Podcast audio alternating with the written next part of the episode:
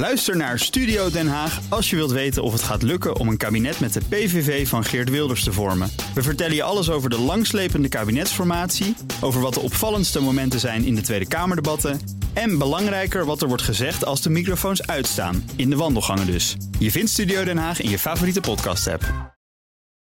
BNR Bouwmeesters wordt mede mogelijk gemaakt door Bouwend Nederland. De bouw maakt het. BNR Nieuwsradio. BNR Bouwmeesters. Jan Postma.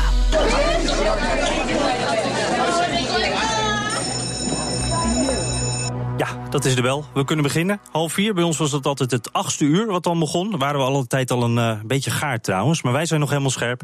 Ruim een kwart van de schoolgebouwen in Nederland is er echt heel erg slecht aan toe. Daar gaan we het over hebben. Ouderwets, slecht binnenklimaat, vervallen. Hoe maken we die verouderde scholen van nu geschikt voor de leerling van de toekomst? Welkom bij BNR Bouwmeesters voor de bedenkers, bouwers en bewoners. Het gast Marco van Zandwijk, hij is kennismanager manager bij Ruimte, Onderwijs en Kinderopvang. En Nico Moen, hij is schoolleider bij het Eiburg College in Amsterdam. Welkom allebei.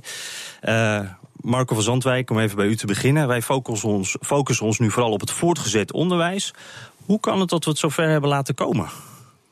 Hoe ver we het zo laat, uh, hebben kunnen laten komen? Ja, hoe is het nou gekomen zo? Al die middelbare scholen waar nog zoveel aan moet gebeuren als we naar het onderwijs kijken, naar de afgelopen decennia, uh, hebben we het vooral heel erg gehad over het onderwijs. Uh, maar eigenlijk veel minder over ook de gebouwen. En de vertaling van een visie op het onderwijs in relatie tot die gebouwen. Mm -hmm.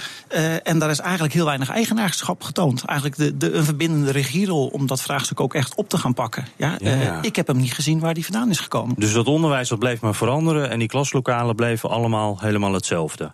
Eigenlijk hebben we bij heel veel uh, ontwikkelingen in het onderwijs, bijvoorbeeld ook bij passend onderwijs, ook bij kindcentraal ontwikkeling, maar dat is dan meer primair onderwijs. Mm -hmm. uh, al die ontwikkelingen hebben we eigenlijk nooit uh, de consequenties in relatie tot die huisvesting meegenomen of daar aandacht aan gehad. Nee, want er zijn nu zo'n 7000 ongezonde klaslokalen in Nederland. Er wordt heel veel over gepraat om daar wat aan te doen. Maar, maar komt er dan nu ook al een beetje actie? Gebeurt er al wat? Nou, dat is misschien wel ook het probleem. Er gebeurt heel veel. Maar het is allemaal geïnitieerd door wat wij dan noemen de aanbodzijde. Het is een, de ene initiatief uh, valt over het andere initiatief heen. We hebben recent ook de bouwagenda gehad. Absoluut een heel goed initiatief. Ja, waar, waar ook het onderwijs belangrijk onderdeel van is. een belangrijk onderdeel van is. Maar het is in feite het zoveelste initiatief wat de discussie opnieuw ter, uh, ja, naar voren brengt. De kwaliteit van de gebouwen. Uh, maar eigenlijk is het niet veel meer als ook de aanbeveling die de voormalige Rijksbouwmeester Lisbeth van der Pol in 2009 deed. Mm -hmm. Om nou eens echt werk te gaan maken van deze kwaliteitsimpuls die nodig is voor het onderwijs. Ja, uh, Nico Moen, kom ik bij u uit. Want u heeft al uh, drie scholen gebouwd, bij vijf projecten uh, betrokken geweest ook. Hoe, hoe komt het dan dat u het wel lukt? Uh, ja, nou, wij zijn niet de enige die hebben gebouwd. Er wordt gelukkig meer gebouwd. Uh, dat heeft te maken gehad met dat mijn eerste project was een, uh, een school die ging naar lange fusies, hè, zoals zoveel voortkomt. nieuw is gebouwd in de jaren, begin, eind jaren 90, dus 2000 opgeleverd. En de andere twee gebouwen, dat zijn twee nieuwe schoolgebouwen in de wijk Eiburg. Een nieuwe wijk in Amsterdam. Amsterdam is booming, zoals we weten. Het groeit enorm. Um, en uh, ja, dan voor een nieuw, nieuw onderwijs moet je ook nieuwe schoolgebouwen hebben. Dus dat mm -hmm. is een beetje de, de simpele verklaring ervan. De, zeg maar. Je moest gewoon wel bouwen, er ja, moest wat komen. Ja, ja, dus dan is het niet zo moeilijk. Maar ik kan me wel voorstellen, u, u, maakt dan hele andere keuzes bij het bouwen van zo'n gebouw dan dat we twintig jaar geleden uh, deden. Hoe, hoe, baseer je die keuzes? Uh, waar baseer je die op? Kijk je dan veel naar onderzoeken of hoe werkt dat? Nou, kijk, ik hoor net de, de, de voorbereide omgeving, zoals ooit Maria Montessori zei, hè, al heel lang geleden, die is zo essentieel. Dus eigenlijk kun je het niet loskoppelen. Dus als je onderwijs wil vernieuwen, als je een nieuw onderwijsconcept en onderwijs moet continu in ontwikkeling zijn, is dat ook wel, dan kun je daar niet, uh, kun je er niet onderuit door ook je omgeving te veranderen. Hmm. Door uh, muren uit lokalen weg te halen of groter of kleiner te maken. Uh, dat is essentieel. Dus je moet de faciliteiten hebben om je nieuwe, je nieuwe onderwijs of je ontwikkeling in onderwijs mee te maken. En dan heb ik het nog niet over allerlei basisvoorzieningen als een gezonde lucht en uh, andere eisen die uh, nu leven dan, uh, dan een aantal jaar daar, daarvoor, zeg maar. Mm -hmm. En dan heb je een gemeente nodig. Uh, en daar is Amsterdam op zich, ja, ik, ik weet niet beter, maar heel erg goed in. Om dat te faciliteren en te zorgen dat die onderwijsgebouwen up-to-date zijn. Ja, maar u noemt nu Montessori, dat is al een tijdje geleden. Ja. Ik neem aan dat er ook wel meer onderzoek wordt gedaan nu, toch? Veel moderner Nee, absoluut. Maar het is wel grappig, want Montessori heeft 100 jaar geleden een verhaal verteld. wat je nu nog steeds kunt, uh, weer hernieuwd kunt uitvinden. Dus onderwijsvernieuwing is ook een onderwijsontwikkeling met een aantal dingen die terugkomen. Mhm. Ja, en wij leiden nu op uh, voor leerlingen en voor, voor jongvolwassenen die iets heel anders gaan doen dan een x aantal jaar geleden. Dat vraagt om heel ander onderwijs. De digitalisering. Hè, het is natuurlijk vrij bizar dat niet alle scholen up-to-date en high-tech uh, wifi hebben. Uh, wat de wereld om je heen wel heeft. Maar de onderwijs duik je vaak in een cave waar geen verbinding is. Of waar het niet mag, omdat de kinderen dat niet mogen. Nou, dat kan natuurlijk niet.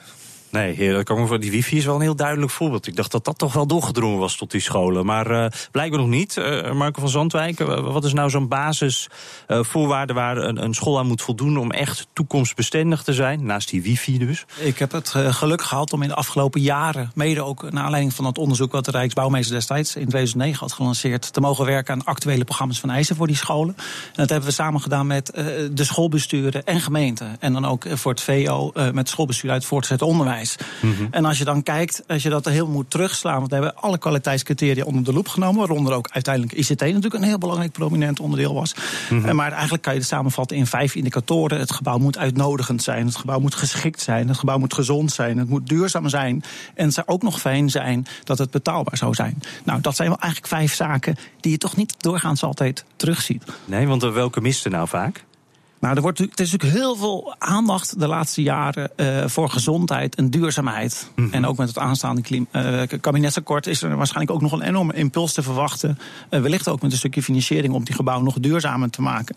Maar we moeten niet vergeten dat deze heel veel bestaande gebouwen nog gewoon voorzien zijn van enkel glas. Dus we hebben eigenlijk al een enorme inhaalslag ja. te maken om überhaupt te voldoen aan de eigen tijdscriteria. En dan moet je eigenlijk ook nog een stapje erbovenop. En dat vraagt wel wat. Ja, zou het niet eigenlijk handiger zijn als we daar een heel duidelijke norm voor, voor gaan krijgen hoe een moderne school uh, eruit ziet? Is nou ja, dat uh... hebben we denk ik met die schoolbestuurder. En toevallig uh, uiteindelijk Nico, ken ik al wat langer, die heeft ook nog even wat feedback gegeven. Ja. En vooral nog aandacht gevraagd voor de, de visie op het onderwijs. Hoe, vertaal, hoe krijgt dat nou een vertaling in die gebouwen? Mm -hmm. Want als je niet oppast, dan ga je dat soort documenten heel erg plat slaan tot de, alsof een gebouw alleen maar een technisch ding is. Terwijl we ja. hebben het hier over het opleiden van jongeren naar de toekomst toe. Ja, dus en dat... welke voorzieningen hebben ze dan nodig die daarbij passen om hun ja, die bagage mee te geven die je hun graag mee wil geven vanuit het onderwijs. Heel organisch proces als ik dat zo hoor. Een uh, nieuwe school die uh, al met het oog op de toekomst is gebouwd. Dus het Calvijn College, ook in Amsterdam. Verslaggever, verslaggever Harmen van der Veen die kreeg daar een rondleiding van uh, schooldirecteur Jolanda Hogewind. Het is een heel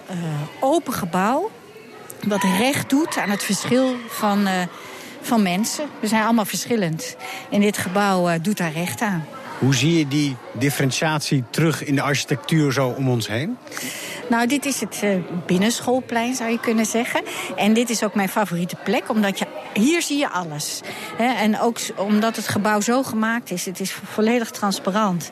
En uh, nou, je kan, als je uh, hier over de balustrade kijkt, dan zie je alles wat er gebeurt. Ik zie wel twintig balustrades. Het lijkt wel een soort dassenburgt, een soort gangensysteem. Heel mooi, maar dan open. Dat klopt. Ja, heel veel trappen, heel uh, open, veel ramen. Uh, niemand kan zich meer verstoppen. Er is helemaal op ingesteld. Wat voor impuls kan zulke prachtige nieuwbouw geven aan het leerklimaat? Nou, dat geeft een enorme impuls. Want uh, nou ja, zoals je ziet, er zijn hele mooie materialen gebruikt. Ik vind het een hele prachtige architectuur, heel erg open. En wat je ziet is dat leerlingen uh, trots zijn op hun gebouw. En ik vind ook, we, we, zitten hier nu anderhalf jaar, nou kijk om je heen. Het is nog even netjes en schoon.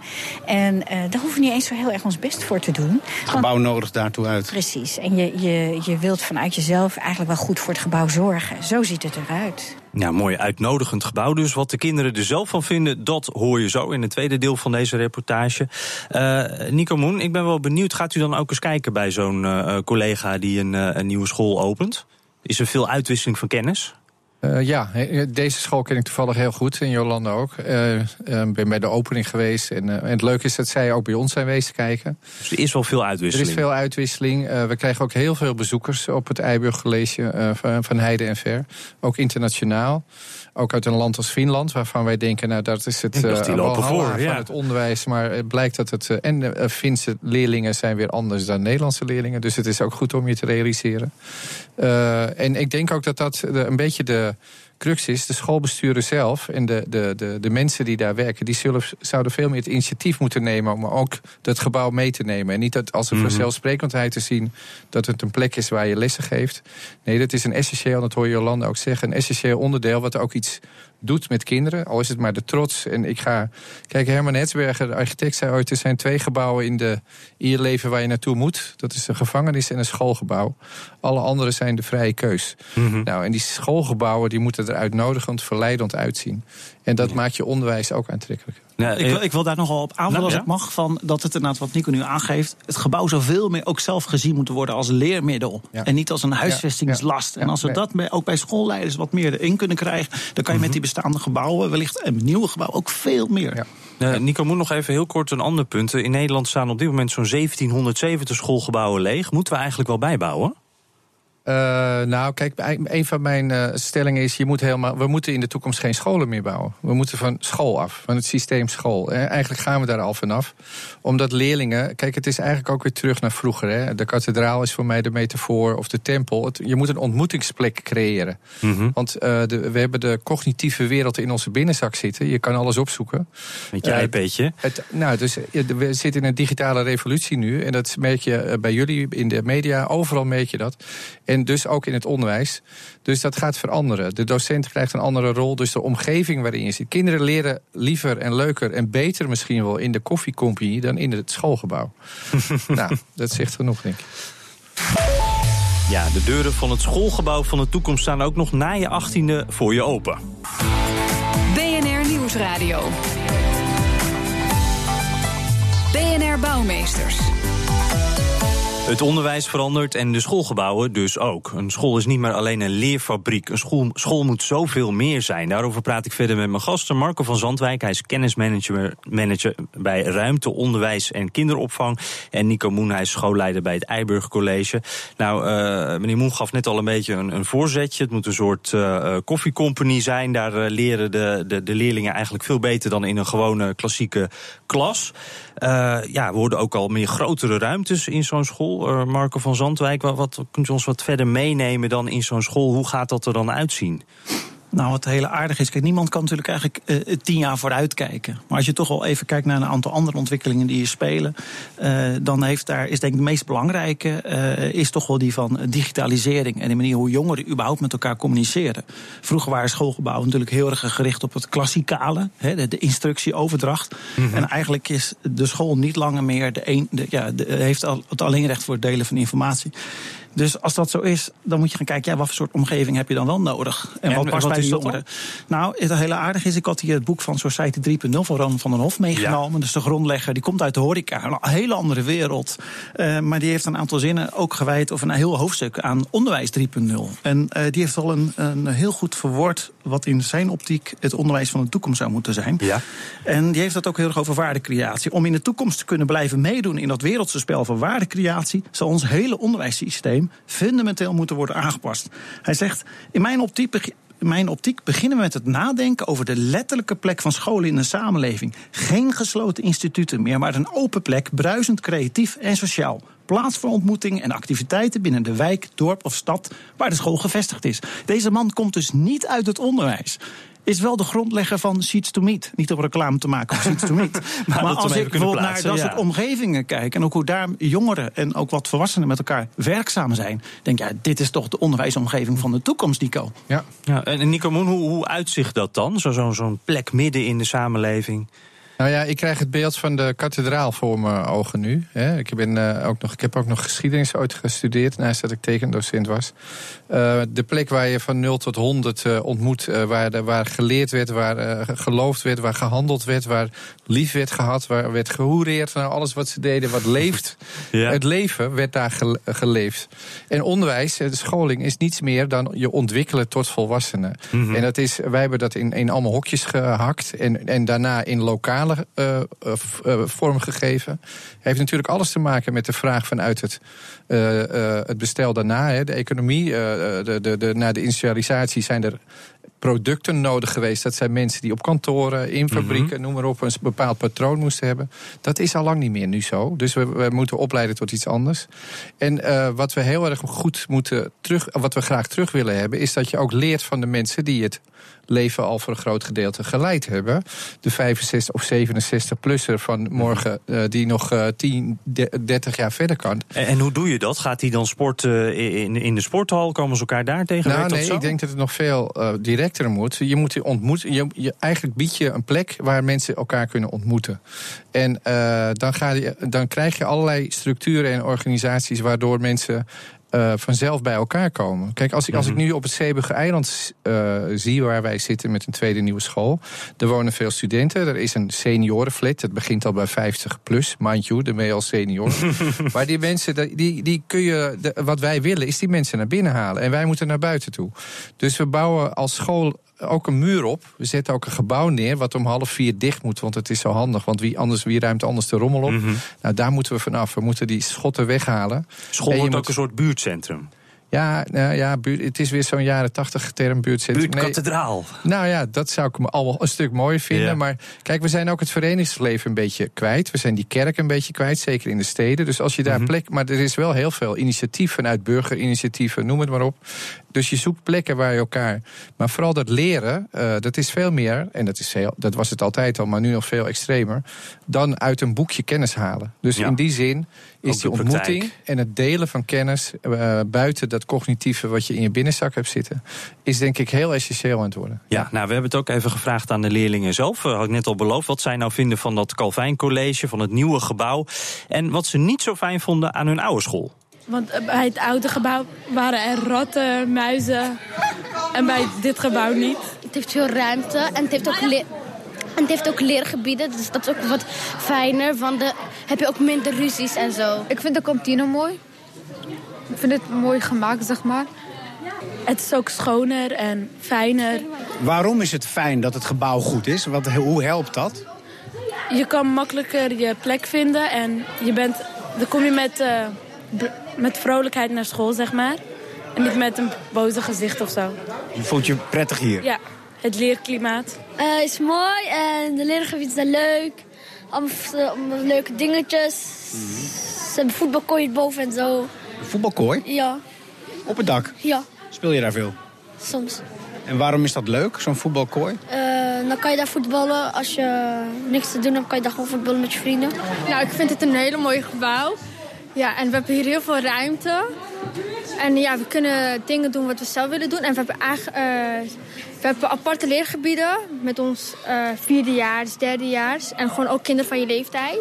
Ook uniek, hè? Nog nooit gezien, een voetbalkooi op een school. Ja, op het dak ook nog. Stoer. Ja.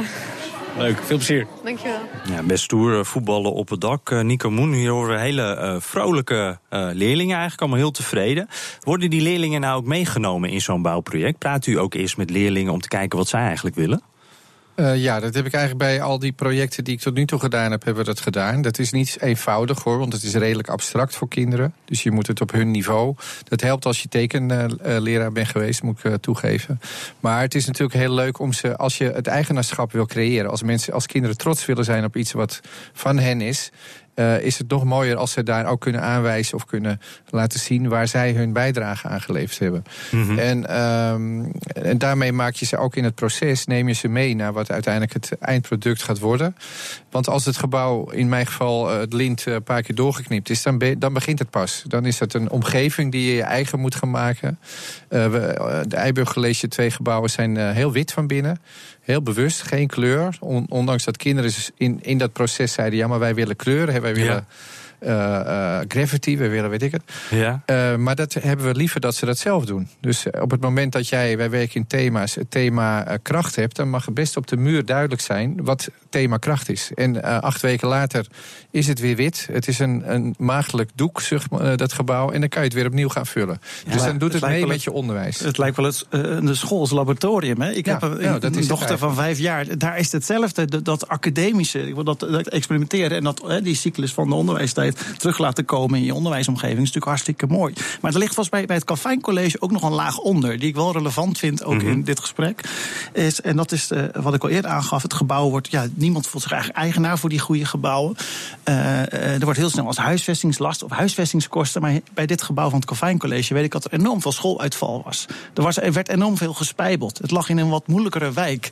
En dan denk ik van jongens, de maatschappelijke impact van dit project. Wat je die kinderen heeft, hebt meegegeven als voorbeeldfunctie. Ja, dat, dat, daar zouden we zoveel meer mee moeten willen. En dan denk ik van, dan ligt onderwijskwaliteit, schooluitval, onderwijshuisvesting zo dicht bij elkaar. En waarom pakken we dat dan niet gewoon wat breder en beter op? Nou, eh, als we daar dan even mee eh, eh, afsluiten. Nog een minuutje te gaan, dus we moeten het even kort houden. Maar waar, eh, waar moet die kar nou getrokken worden? Wie moet dit gaan doen? Nou, mijn handen jeuken om het aan te pakken. Ja. Maar ik ben daar niet de enige aangewezen persoon voor. We moeten, zullen dat met elkaar moeten gaan doen. En de PO-raad, VO-raad en de VNG hebben daar ook gezamenlijk richting het ministerie van OCW voorstellen voor gedaan. Maar kijken we dan dus naar Den Haag? Nee, want we zullen zelf met elkaar in actie moeten komen. Alleen eh, de vraag is wel, de opgave is zo groot. Het tempo ligt zo laag. En Ja. daar dienen we echt met elkaar een slag in te maken. Ja. Eh, Nico Moen, eh, u heeft natuurlijk in de praktijk gezien wat er voor nodig is. Ja. Wat, eh, waar, Nou, waar wat ligt er de vooral sleutel? nodig is, is denk ik een open mind. En niet alleen binnen het onderwijs, maar vooral ook het onderwijs. Maar ook de partijen als